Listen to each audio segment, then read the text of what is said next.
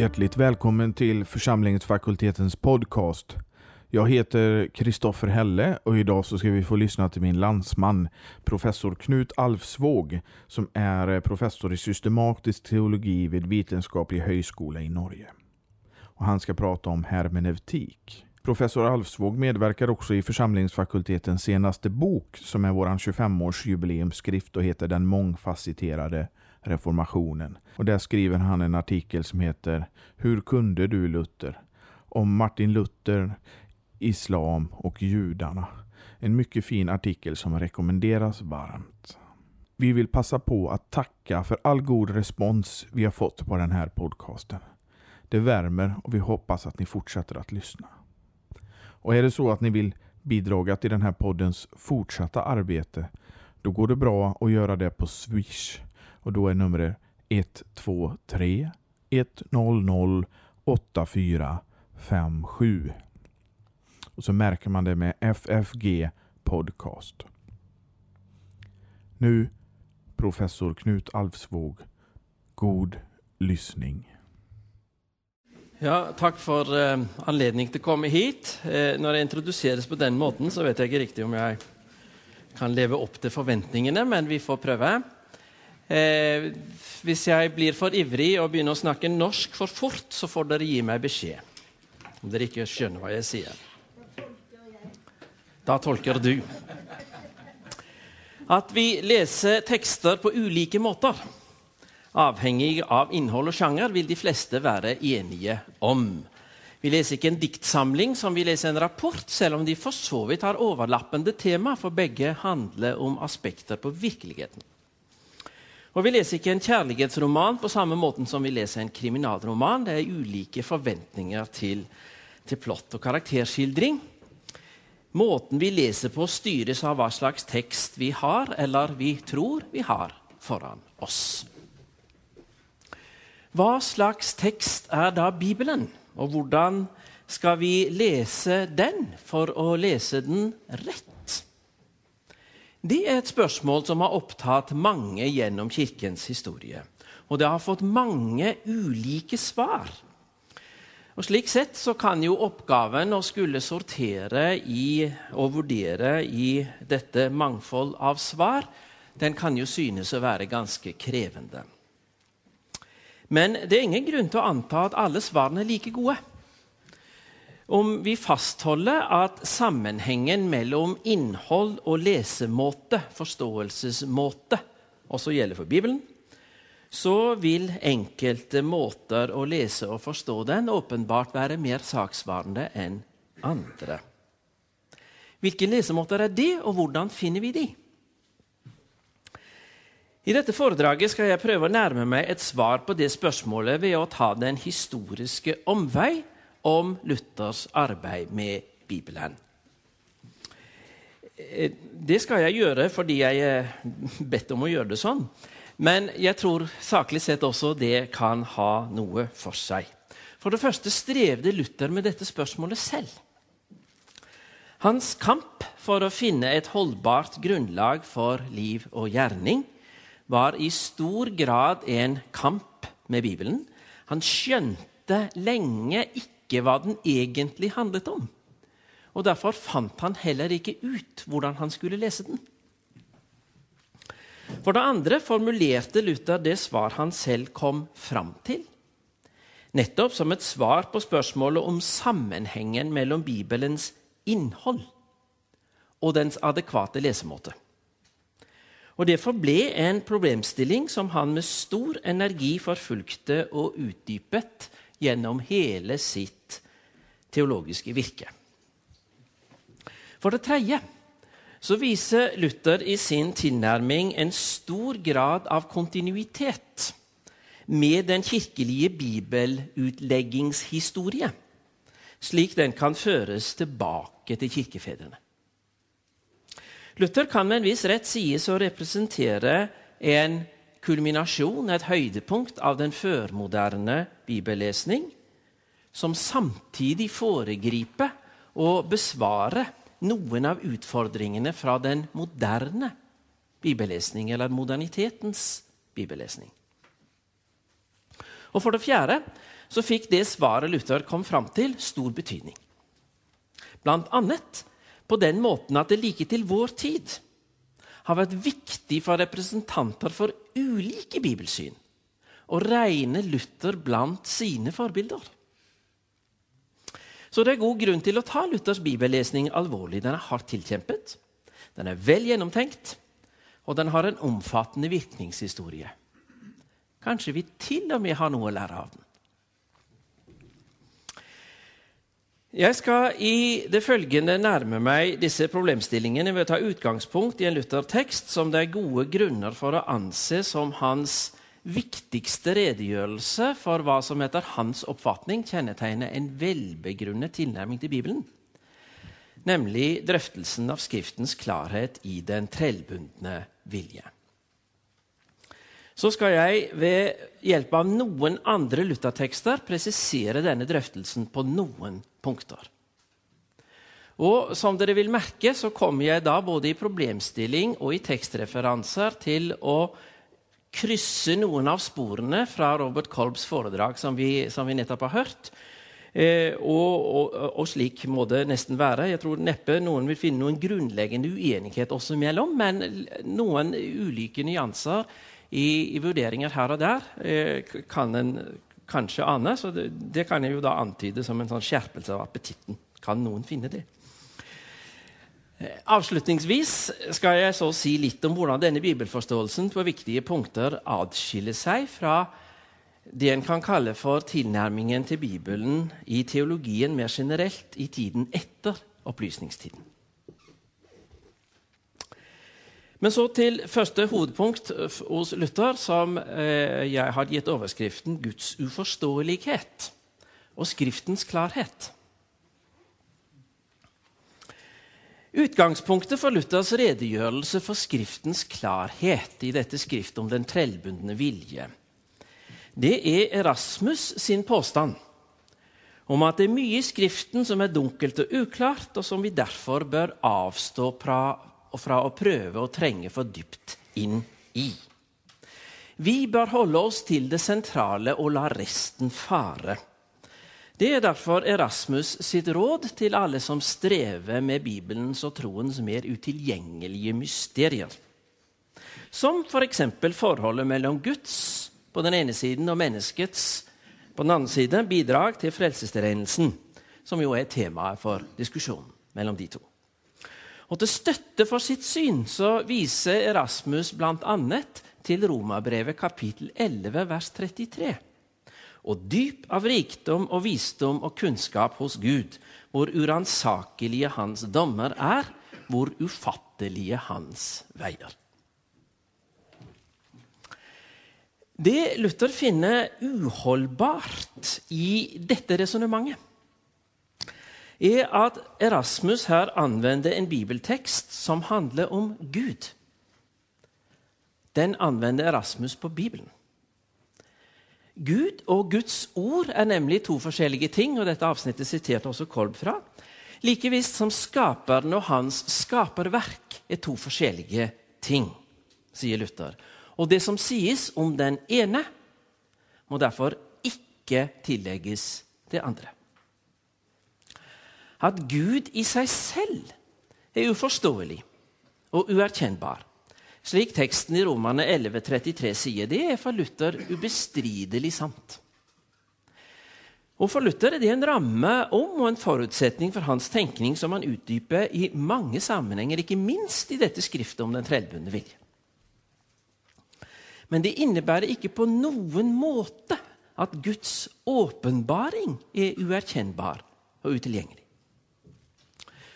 Gud er nok utilgjengelig for oss i sin nakne majestet, men nå har han faktisk åpenbart seg ved å gjøre seg selv tilgjengelig for oss innen rammen av den virkelighet hvor vi hører hjemme, nemlig den skapte verden.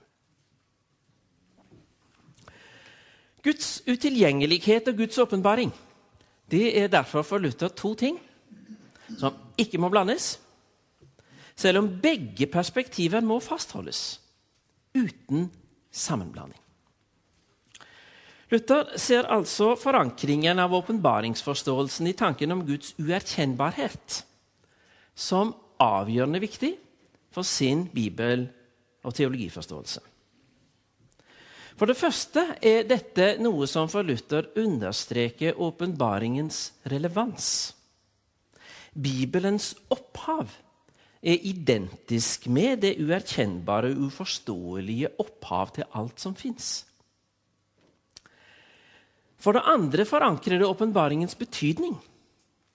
Skal vi i det hele tatt kunne si noe meningsfylt om Gud, må det skje på grunnlag av at han selv gir seg til kjenne for oss. Ellers vil våre utsagn om Gud aldri bli noe annet enn spekulasjoner som på eget initiativ tiltar seg guddommelig autoritet. Og for det tredje befrir dette utgangspunktet oss fra byrden av å skulle finne orden og sammenheng i alt som skjer. Både den verden vi ser rundt oss, og selv er en del av, og den del av den som mer presist er kvalifisert som Guds åpenbaring. Alt er Guds verk, og derfor ikke noe vi kan gjøre oss håp om å gjennomskue i sin helhet. Selv om vi kan nå en rimelig grad av klarhet så lenge vi er oss bevisst en begrensning som ligger i våre egne begrensede perspektiver. For eksempel så trenger vi ikke gå rundt og late som vi ikke forstår poenget med den måten Gud har gitt seg til kjenne for oss i sitt ord. Da steinen ble rullet bort fra Kristi grav, ble nemlig ethvert seil på den guddommelige tekst også brutt. Det er Luther som lager den sammenstillingen av det. Og Vi ser hvordan Gud har åpenbart seg for oss nemlig gjennom sin sønns inkarnasjon, og dermed som treenig. Gjennom Sønnens frelsesverk og løftet om hans evige herredømme. Poenget med den bibelske åpenbaring er klinkende klart. Og den som ikke ser det, viser derved bare at en selv har stilt seg i mørket. Ikke at Skriften ikke er gjennomtrengt av lyset fra graven. Den uforståelige har åpenbart seg ved å bli et menneske som oss og reise ham opp fra de døde. Da har alle avgjørende spørsmål fått sitt svar. Og om de spørsmål som ikke har fått noe svar på den måten, vet vi at de ikke er avgjørende. En kan selvsagt prøve å gjemme seg for denne virkeligheten ved å peke på eksegetisk problematiske avsnitt i Bibelen, som Erasmus gjør. Men da oppnår en ikke noe annet enn å ødelegge muligheten for et møte med det saken gjelder. Lyskraften fra den åpne graven er nemlig etter Luthers oppfatning forenet med det bibelske ord, slik at det skaper klarhet i oss. Den ytre klarhet i ordet, og med det tenker ikke Luther primært på dets logiske entydighet, men på dets evne til å opplyse oss. Denne ytre klarhet i ordet skaper den indre klarhet i oss, og de to hører sammen. Slik at en aldri ser den klarhet som ligger i den bibelske fortelling, uten at den samtidig skaper den indre klarhet som er forståelsens forutsetning. Ytre og indre klarhet hører sammen. For Luther er det altså slik at bibelteksten bare utlegges på en sakssvarende måte når den leses på sine egne premisser. Den må leses på en måte som er informert av implikasjonene av den fortellingen som formidles.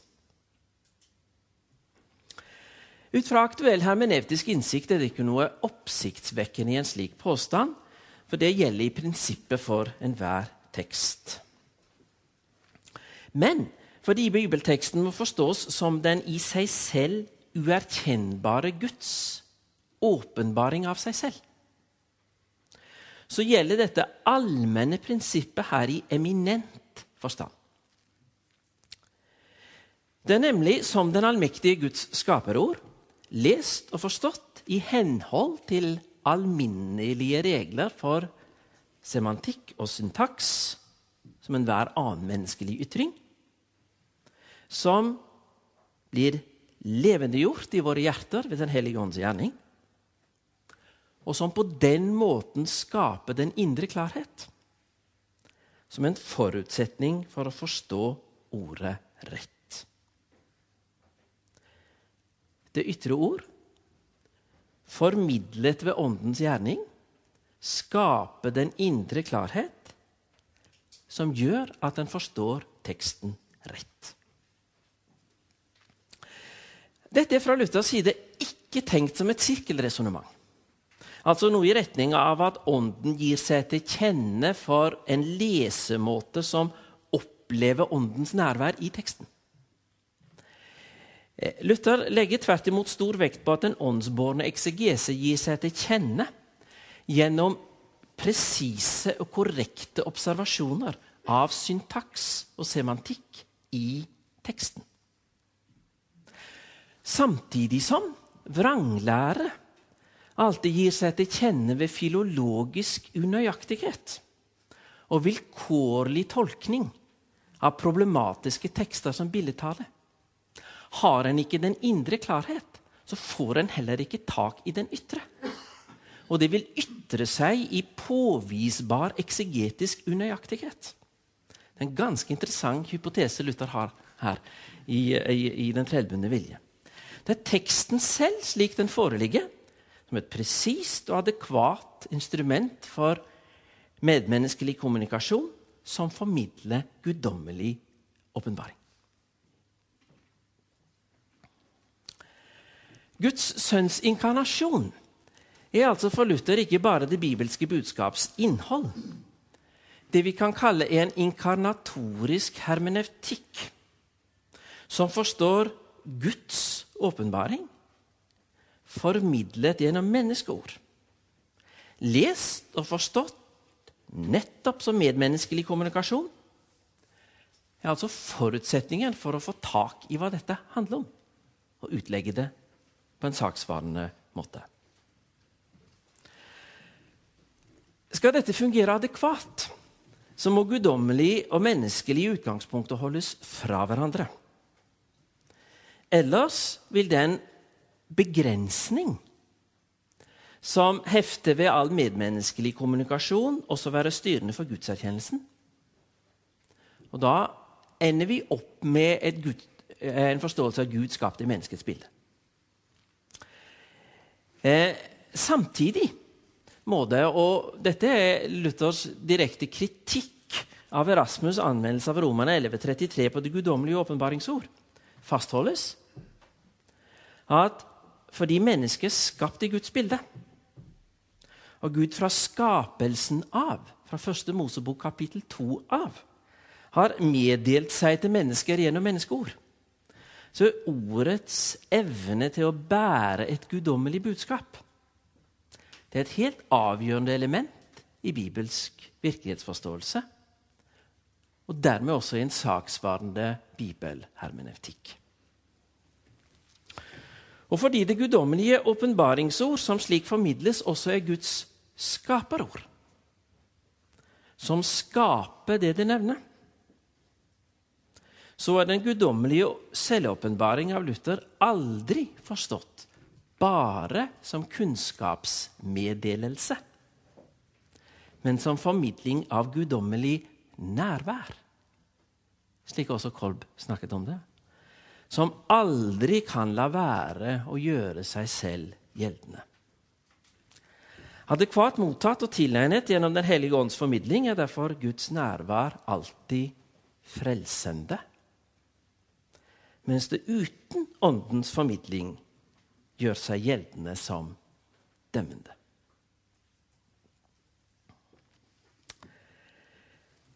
Luthers hermeneutikk forutsetter altså en forståelse av forholdet mellom Gud og menneske som er forankret i den oldkirkelige tonaturkristologi, slik den klassisk er formulert av konsilet i Kalkedon, uten sammenblanding, uten atskillelse.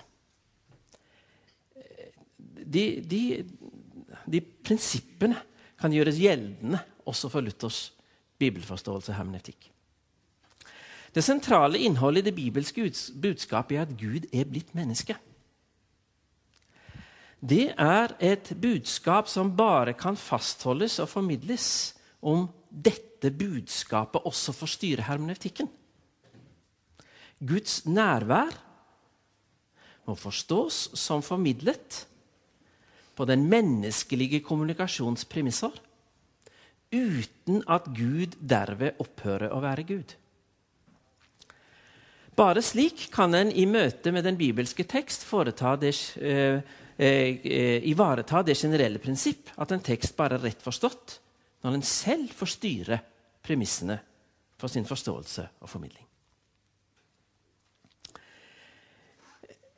I skriftet om den trellbundne vilje som jeg har oppholdt meg ved så langt, så er imidlertid tonaturkristologien bare implisitt til stede som hermeneutikkens innhold og forutsetning. I andre tekster, ikke minst i nattverdskriftene, så har Luther gjort denne tilnærmingen mer eksplisitt og presisert den på noen punkter. Nå skal jeg se neste avsnitt, som har overskriften 'Bibelutleggelse og ubikvitet', eller allestedsnærvær. Svingli utformer sin nattverdlære i form av en avvisning og kritikk av Luthers kristologiske bibelhermenevtikk.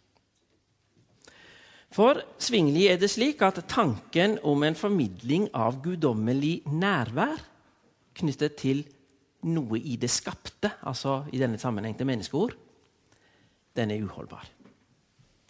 Ord formidler forsvingelig ikke nærvær, men kunnskap. Og Det er en vesentlig forskjell på Luther og Svingli. Derfor formidler forsvingelig innstiftelse, eller derfor refererer forsvingelig innstiftelsesordene bare til den historiske begivenhet. De informerer oss om hva som skjedde skjærtorsdag kveld. Det innebærer, om vi skal tolke det kristologisk, en også stram nestorianisme som skiller mellom det en kan si om Kristus som guddommelig og menneskelig. På disse premissene er allestedsnærvær en egenskap som bare tillegges Kristus som guddommelig, mens hans menneskelighet isoleres til de bibelske fortellinger. Og slik langt på vei oppfattes som en episode uten blivende betydning for gudsbildet. Meddelelsen av hva som en gang skjedde, blir dermed uten direkte relevans for frelsestilegnelsen, som slik må tenkes som en separat handling, forskjellig fra forkynnelsen. Svingli knytter dette til tanken om en åndens gjerning forankret i predestinasjonen. Altså Svingli har en lære om predestinasjon som virkeliggjøres uavhengig av forkynnelsen. Mens i senere utgaver av Svinglis kristologi er det vel så vanlig å følge Erasmus og forstå troens tilblivelse som en separat viljeakt. altså semiplagiansk. Luther tar i sitt svar i skriftet om Kristi nattvær utgangspunkt i tanken om Skriftens ytre klarhet. Altså teksten 'Dette er min kropp' er enkel og entydig og tillater ikke et mangfold av fortolkninger. Dette impliserer at kropp på bibelske premisser ikke nødvendigvis trenger å være bundet til tid og sted, slik kropper vanligvis er. Kristi kropp har nemlig gjennom prinsippet om kommunikatio idiomatum, eller egenskapsfellesskap mellom naturene, del i den guddommelige egenskaps allestedsnærvær eller ubikitet, og er derfor etter inkarnasjonen alltid der Gud er, og det vil si overalt. Vi vet ikke hvordan det går til at Kristus etter sin menneskelige natur er allestedsnærværende, men det er som det skal være. For som delaktig i guddommelighet er Kristus på denne måten også del i hans uforståelighet. Det er imidlertid avgjørende for vår tro at Kristus er nærværende på denne måten. Ellers er vår tro falsk, sier Luther. Det er ganske sterkt sagt. Han utdyper ikke akkurat her på hvilken måte eh, han tenker seg at en fornektelse av Kristi allestedsnærvær undergraver troen, men han tenker da antagelig både på at en slik fornektelse problematiserer tanken om menneskeord som formidler av guddommelig åpenbaring, og på at en problematisering av Kristus som nærværende, som vår bror, den berøver troen dens trygghet og gjør det umulig å tenke helliggjørelsen som utvirket gjennom Kristi nærvær i den troende. For Luther er det altså slik at en saksvarende bibelutleggelse forutsetter at syntaks og semantikk overordnes rasjonalitet på, gru, opp, eh, eh, på grunnlag av observasjon. At vi aldri med våre øyne har observert en allestedsnærværende kropp, kan derfor ikke være noe avgjørende argument. Å sette det vi med regelmessighet kan observere, som ramme for forståelsen av åpenbaringsordet, er å gjenta den feilen Erasmus gjør når han binder gudsforståelsen til en rasjonalitet etablert på menneskelige premisser. Og Da er tanken om et guddommelig nærvær inkarnert i menneskelig skikkelse og i menneskelige ord undergravet før den i det hele tatt er kommet til orde. Litt mer om Luther og forholdet, om forholdet mellom eksegese og rasjonalitet før jeg, før jeg lander i I tre disputaser avholdt i årene 1536 til 1540 så drøfter Luther eh, dette problemet på prinsipielt grunnlag. I Om mennesket, eller Det homine, fra 1536, så hevder Luther at også menneskelig visdom eller fornuft etablert innenfor grensene av dette liv, er av guddommelig opphav og vel egnet til å befeste menneskets gudgitte stilling som jordens hersker. Den er imidlertid verken i stand til å begrunne seg selv eller å forstå mennesket i dets gudsrelasjon. Den fullstendige definisjonen av mennesket er derfor gitt, sier Luther, ved den bibelske lære om rettferdiggjørelse ved tro. Rent erfaringsbasert fornuft kan ikke fatte dette. Den vil derfor nødvendigvis stå uforstående til den bibelske åpenbarings sentrale påstander. Hovedpoenget i disputasen 'Ordet ble menneske', skrevet tre år senere, 1539, er derfor at det som er sant De to tilnærmingene arbeider nemlig ut fra ulike forutsetninger. Som gir seg utslag i ulik forståelse av de sentrale begrepenes betydning. Ut fra sine forutsetninger må nemlig erfaringsbasert fornuft forstå mennesket som noe som fullt ut hører hjemme innen rammen av det skapte men hvis en anvender den forståelsen av ordet menneske på den teologiske påstand 'ordet ble menneske', så fører det til vranglære.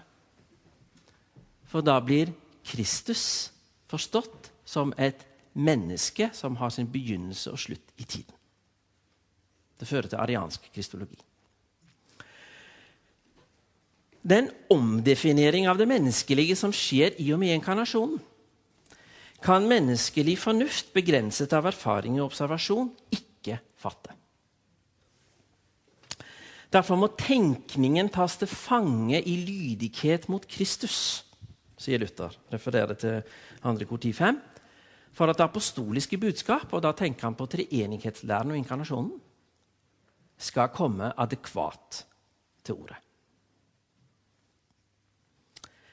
Dette innebærer ikke at den erfaringsforankrede filosofi ikke har noen form for gudserkjennelse.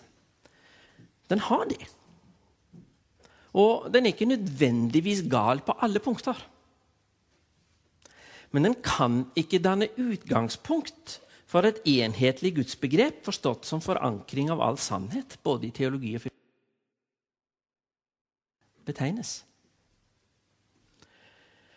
Referansen for bibelspråket er altså det guddommelige nærvær i det skapte. Bibelspråket refererer til Guds nærvær i det skapte. Og Ordenes betydning styres av referansen til Guds reelle nærvær, slik at de ordene får en ny betydning, utvidet i forhold til den gamle. I tradisjonell språkbruk refererer det skapte til noe som er uendelig adskilt fra Gud. Etter den nye talemåten refererer det til noe som i samme person er blitt forenet med guddommelighet på uutsigelig vis.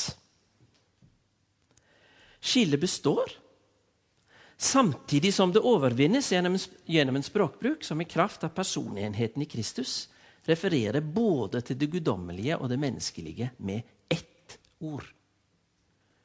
Derfor utsier ordet i Bibelen, prekenen og liturgien Guds nærvær på en måte som for, for, eh, forankrer kristen tro og kristen virkelighetsforståelse. Skap, den skapte virkelighet må altså på grunnlag av Guds sønns inkarnasjon forstås, inkarnasjon og oppstandelse forstås som stedet for Guds nærvær. Det betyr ikke at erfaringsforankret fornuft er irrelevant. Tvert imot forblir den det guddommelige eh, utvalgte redskap for menneskets realisering av sitt kulturoppdrag.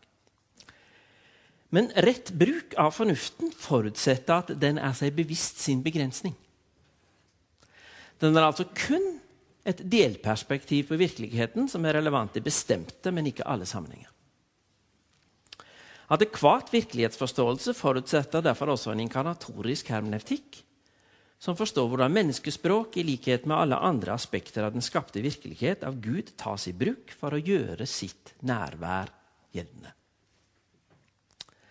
Dette er imidlertid også bare et delperspektiv i den forstand at en full erkjennelse av den guddommelige virkelighet er og alltid vil være utenfor det skaptes rekkevidde. Heller ikke evigheten vil skillet mellom Gud og det skapte oppheves.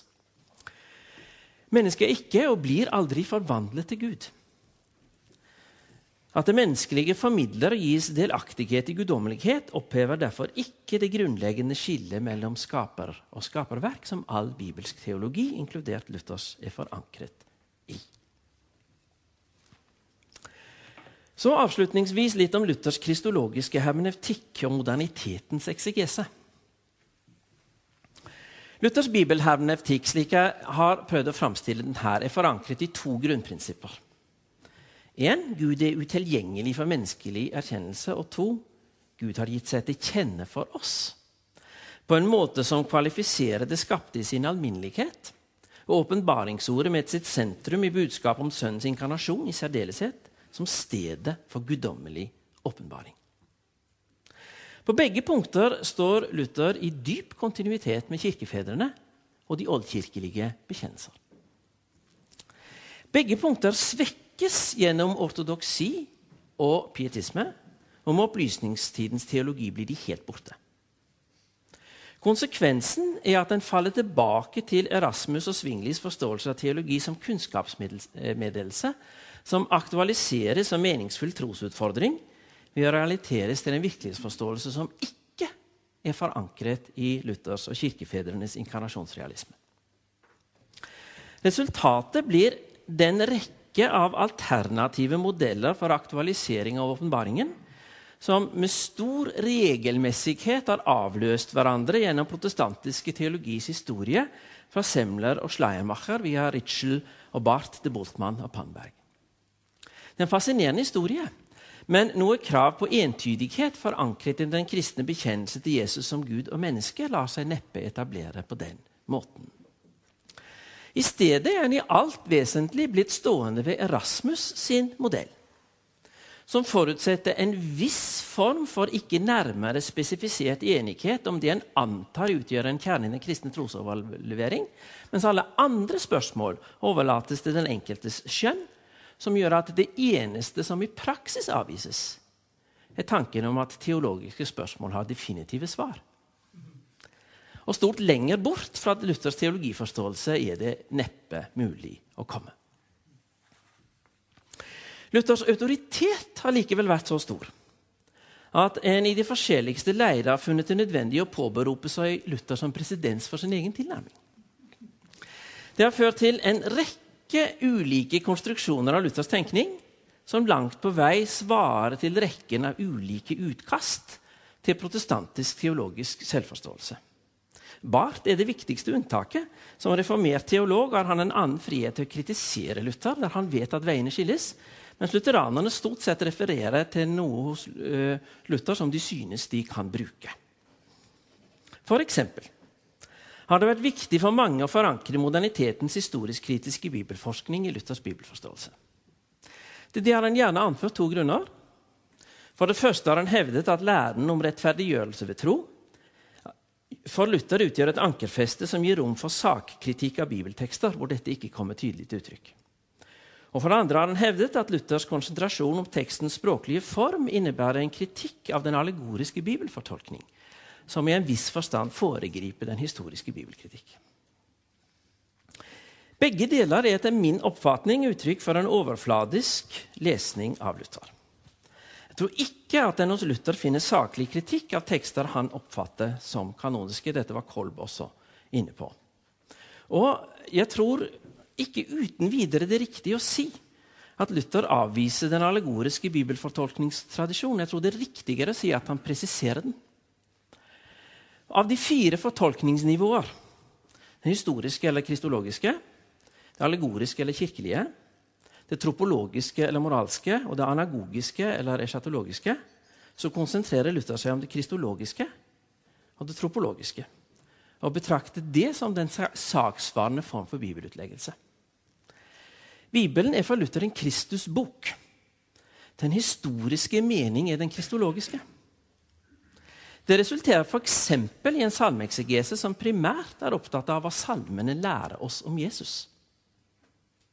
Og den aktuelle mening er den tropologiske, som altså handler om Kristi nærvær i den troende.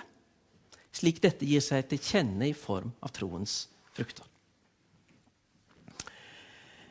Bibelen er for Luther boken om Guds nærvær, og ikke primært en historiebok. Det betyr ikke at historisk faktisitet er irrelevant. Guds nærvær i det skapte, og dermed i det historisk faktiske, er jo det det hele dreier seg om. Men Luthers primære fokus er hele tiden teksten, altså teksten som formidling av presentisk nærvær. Gud er her nå. Ikke rekonstruksjon av den historie som ligger forut for teksten. Det betyr at han er en like troløs alliert for den som er ute etter å devaluere faktisitetens betydning gjennom radikal historisk kritikk, som for den som er ute etter å begrunne den gjennom en eller annen form for ufeilbarlighetslære. For, av Luthers fokus på tekstens foreliggende form følger en forståelse av at den ikke alltid under alle omstendigheter primært er ute etter å fortelle hvordan det egentlig gikk til. Som Kolbe også var inne på, så kan Luther være ganske avslappet på det. Luther er vel klar over at tekstenes ambisjonsnivå på dette punktet også er ganske ulike. Og at kanoniseringsprosessen er gjennomført på en måte som gir budskapets innhold prioritet og for historisk presisjon. Ellers hadde vi åpenbart ikke hatt fire evangelieskrifter. Derimot er det ut fra Luthers og bekjennelsenes kristologisk forankrede virkelighetsforståelse grunn til å være skeptisk og for den form for historisk bibelkritikk som tar utgangspunkt i antagelser om hva, hva Gud sannsynligvis kan tenkes å ha villet gjøre. Eller noe i den retning. Den bruk av fornuften som er orientert ut fra observasjonsbaserte forventninger om sannsynlighet, skal en riktignok ikke forakte. Den kan i sine sammenhenger være både viktig og riktig, men teologisk eller eksegetisk normativ er den på Luthers premisser ikke. En kan selvsagt ut fra en analyse av en tekst, sjanger og uttrykksmåte komme til den konklusjon at historisk faktisitet er noe denne teksten ikke er så veldig opptatt av. Bibelens poetiske skrifter er jo her åpenbart viktige, om ikke de eneste eksemplene. Men på Luthers premisser ville det være noe helt annet om man kommer til at det teksten sier, ikke kan være riktig fordi Gud ikke kan tenkes å ha handlet slik. Det følger nemlig av Luthers kristologisk forankrede virkelighetsforståelse at våre forventninger om hva Gud kan eller ikke kan gjøre, er teologisk nokså uinteressante, så lenge de ikke selv er styrt av denne virkelighetsforståelsen. Hva slags tekst i Bibelen, og hvordan skal vi lese den for å lese den rett? Den er både for Luther og for den kristne kirke i sin alminnelighet primært boken om Guds sønns inkarnasjon. Det er for å formidle denne fortellingen Bibelen i sin nåværende form er blitt til. Og den leses derfor på en saksvarende måte bare om en legger denne forutsetningen til grunn. Det utelukker selvsagt ikke at Bibelen også kan leses på andre måter. Den er et historisk kildeskrift. For eksempel, om en legger Luthers tilnærming til grunn, er dette imidlertid en lesemåte med begrenset teologisk relevans. Teolog ellers framtrer de som ubegrunnet spekulasjon. Dette Luthers teologiske fundamentalprinsipp er imidlertid et tveegget sverd. Dels kan det og bør det rettes mot dem som driver gudskritikk de, eh, basert på en erfaringsforankret rasjonalitet. Det er et selvmotsigende prosjekt som ikke gir mening verken på teologiske eller filosofiske premisser. Men det må også gjøres gjeldende mot dem som prøver å bygge opp en rasjonalitetsforankret gudstro. Enten den er begrunnet i forsvar for Bibelens ufeilbarlighet eller i rasjonelle argumenter for Guds eksistens. Gud kan i sin annerledeshet og utilgjengelighet bare komme adekvate uttrykk der han får formulere seg selv. Den kristne trosbekjennelse er båret av den overbevisning at dette faktisk har skjedd gjennom den inkarnasjonshistorie de bibelske skrifter formidler. Derfor er det gode grunner til å si at med denne overbevisning står og faller den kristne kirke.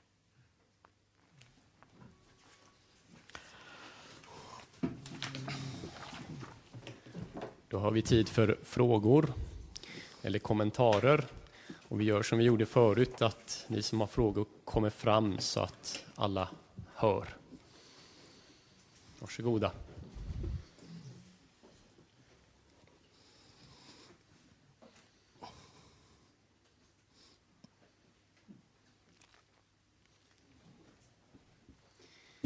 Inga frågor. Antingen var det helt glasklart eller helt oklart. Varsågod.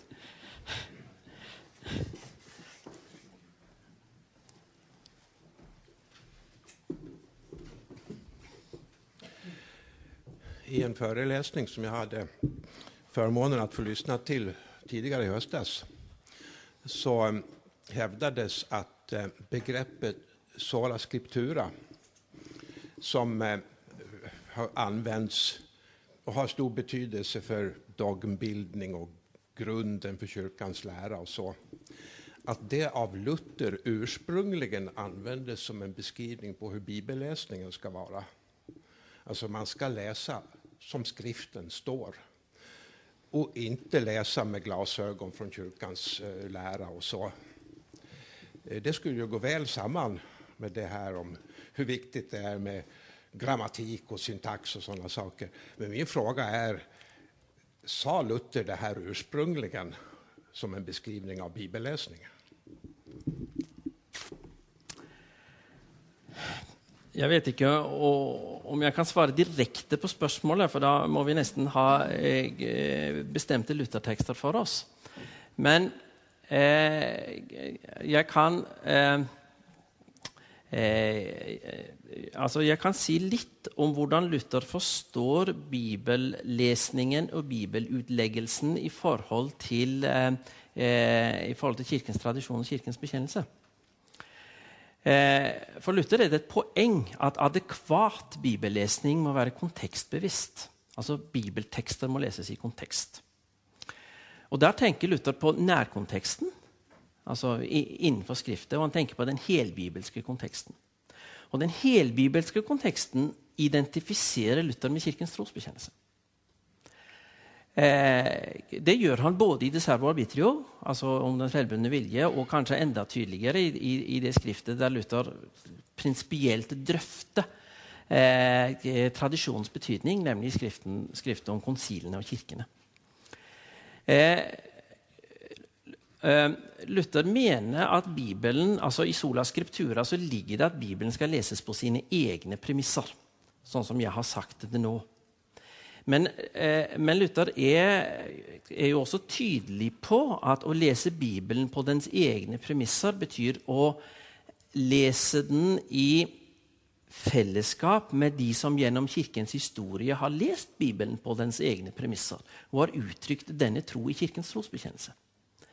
Eh, derfor kan Luther vanskelig tenke seg en adekvat bibelutleggelse som ikke står i en positiv kontinuitet med Kirkens bekjennelse til den treenige Guds inkarnasjon som det sentrale innhold i Bibelen. Eh, altså, derfor så, så, er selve begrepet sola scriptura uten at en sier noe mer om som, på hvilke premisser det er formulert, og hva som ligger i det, er, er, er, blir fort et litt sånn uinteressant uttrykk. For Luthers poeng er ikke det at en sitter alene med Bibelen i et rom og liksom ser rett på den og ikke, og, og ikke har noen kontekst. All bibellesning foregår i en kontekst. Og for at Bibelen skal komme adekvate uttrykk på egne premisser, som sola scriptura, så må konteksten være riktig.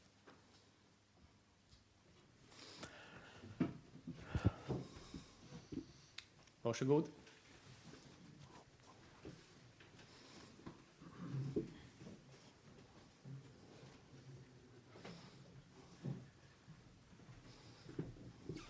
Forstår jeg det rett at Luther ikke så Skriften som ofelbar? Eh, slik jeg forstår det, er ufeilbarlighetsbegrepet, slik det brukes eh, i et nyere teologisk debatt, er et moderne begrep som ikke er relevant for førmoderne bibellesning. Altså, eh, Ufeilbarlighetsbegrepet er, er, problematisk på minst to måter, eh, etter min oppfatning, brukt på Luther.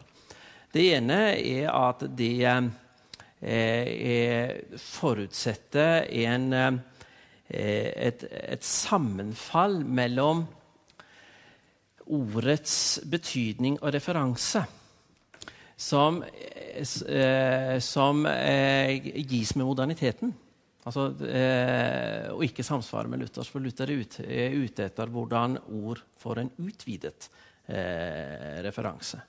Altså Ufeilbarlighetsbegrepet eh, er, er, etter min oppfatning definert modernitetens premisser, og, ikke uten videre saksvanlig Luther-tolkning. Det er det ene. Det andre er at i ufeilbarlighetsbegrepet ligger det normdobling.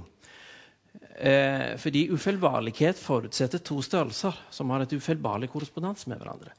Og Det betyr at Skriften tenkes å speile den fullkomne guddommelige åpenbaring på en ufeilbarlig måte.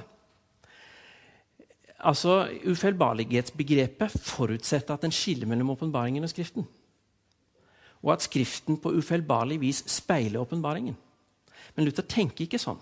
For Luther er det Skriften i den foreliggende tekstlige form som er åpenbaringen. Og Derfor er spørsmålet om hvorvidt denne åpenbaringen her er ufeilbarlig. Altså en ufeilbarlig avspeiling av noe annet. Det er et problemstilling som på Luthers premisser ikke oppstår. Fordi det er teksten, slik vi har den, forstått på sine egne premisser, som definerer hva åpenbaring er.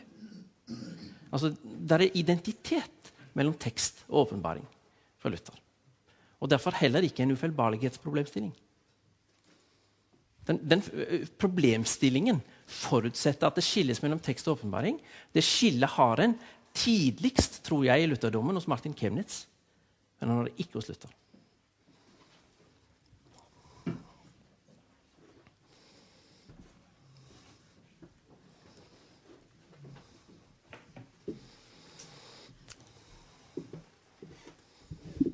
Bara det blir lite problematiskt med inte sola scriptura som så, utan plus kontext. För var går gränsen? Vilken kontext? Uppenbarligen var det inte den, den katolska kontexten på 1500-talet. Så vilken kontext är relevant och vilken är inte relevant? Var går gränsen för det om inte det är bara den bibliska kontexten, Bibeln i sin helhet?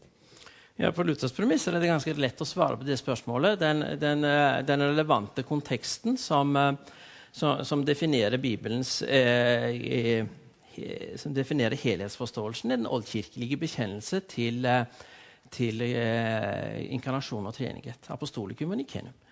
Eh, og, og, det er eh, primært nikenum, eh, fordi det er det som er eh, den, enhet, den enhetskonstituerende tekst i Kirken, som Kirken gjennom hele sin historie forholder seg til, og som også Augustana forholder seg til. Det første som sies i Augustana, er at vi lærer samsvar med den nikenske bekjennelse. Eh, så, så, eh, så, dette er ikke vilkårlig. Altså, eh, den, den, faktiske bekjennelse av Kirkens tro slik den forstår seg selv på Bibels grunnlag, foreligger i konkrete økumenisk relevante tekster, eh, som alltid sin, eh, har vært der.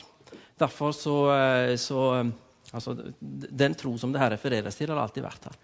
Derfor vil den kontekst som opererer med ytterligere betingelser, som kommer med teologiske nyheter, eh, den, den, vil være inadekvat. Og det er, det er, selve den grunnleggende tilnærmingen i den lutherske reformasjon, som en finner til uttrykk i todelingen av Confessio Augustana.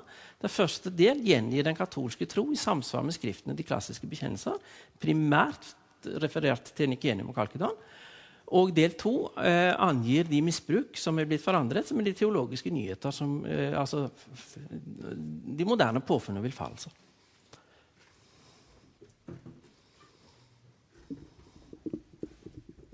villfarelser. fler frågor? Varsågod.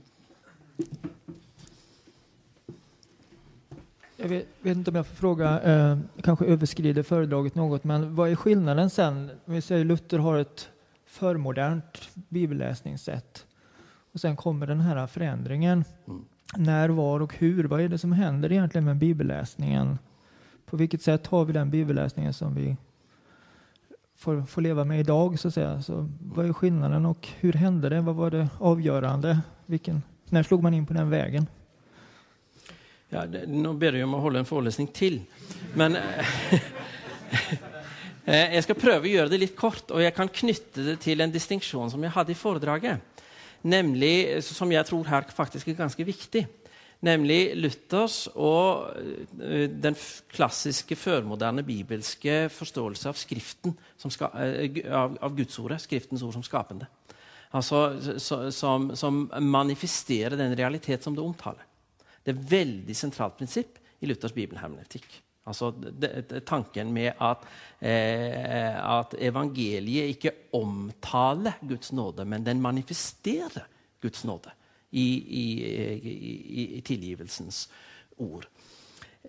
Dette svekkes gradvis gjennom i hvert fall de senere generasjoner av ortodokse teologer, som, et, som gradvis får et mer intellektualiserende virkelighets, eh, et, en virkelighetsforståelse og, og, og hermeneutikk slik at en drar i retning av en eh, samvirketenkning, i hvert fall i senere delen av ortodoksien når det gjelder helliggjørelsen.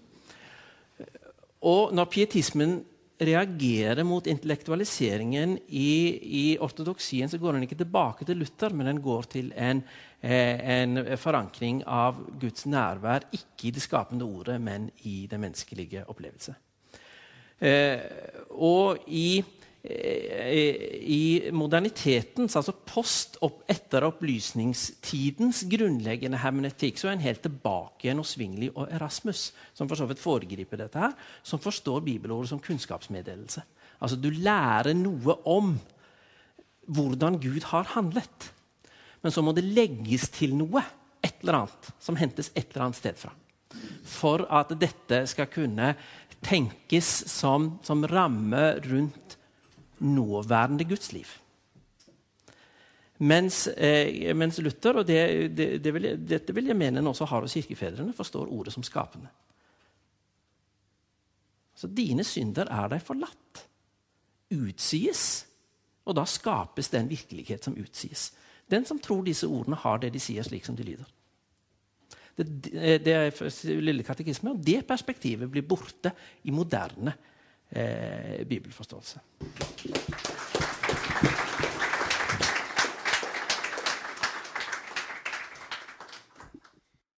Ja, det var professor Knut Alvsvåg som pratade om hermeneutik. Och är det så att du vill bidra till den här poddens fortsatta arbete så går det bra att göra det på Swish och då är det nummer 123 100 8457 som gäller. För annat sätt att hjälpa till och bidra till församlingsfakultetens verksamhet besök gärna vår hemsida www.ffg.se. Vi återkommer med den här podden nästa vecka med ett nytt avsnitt.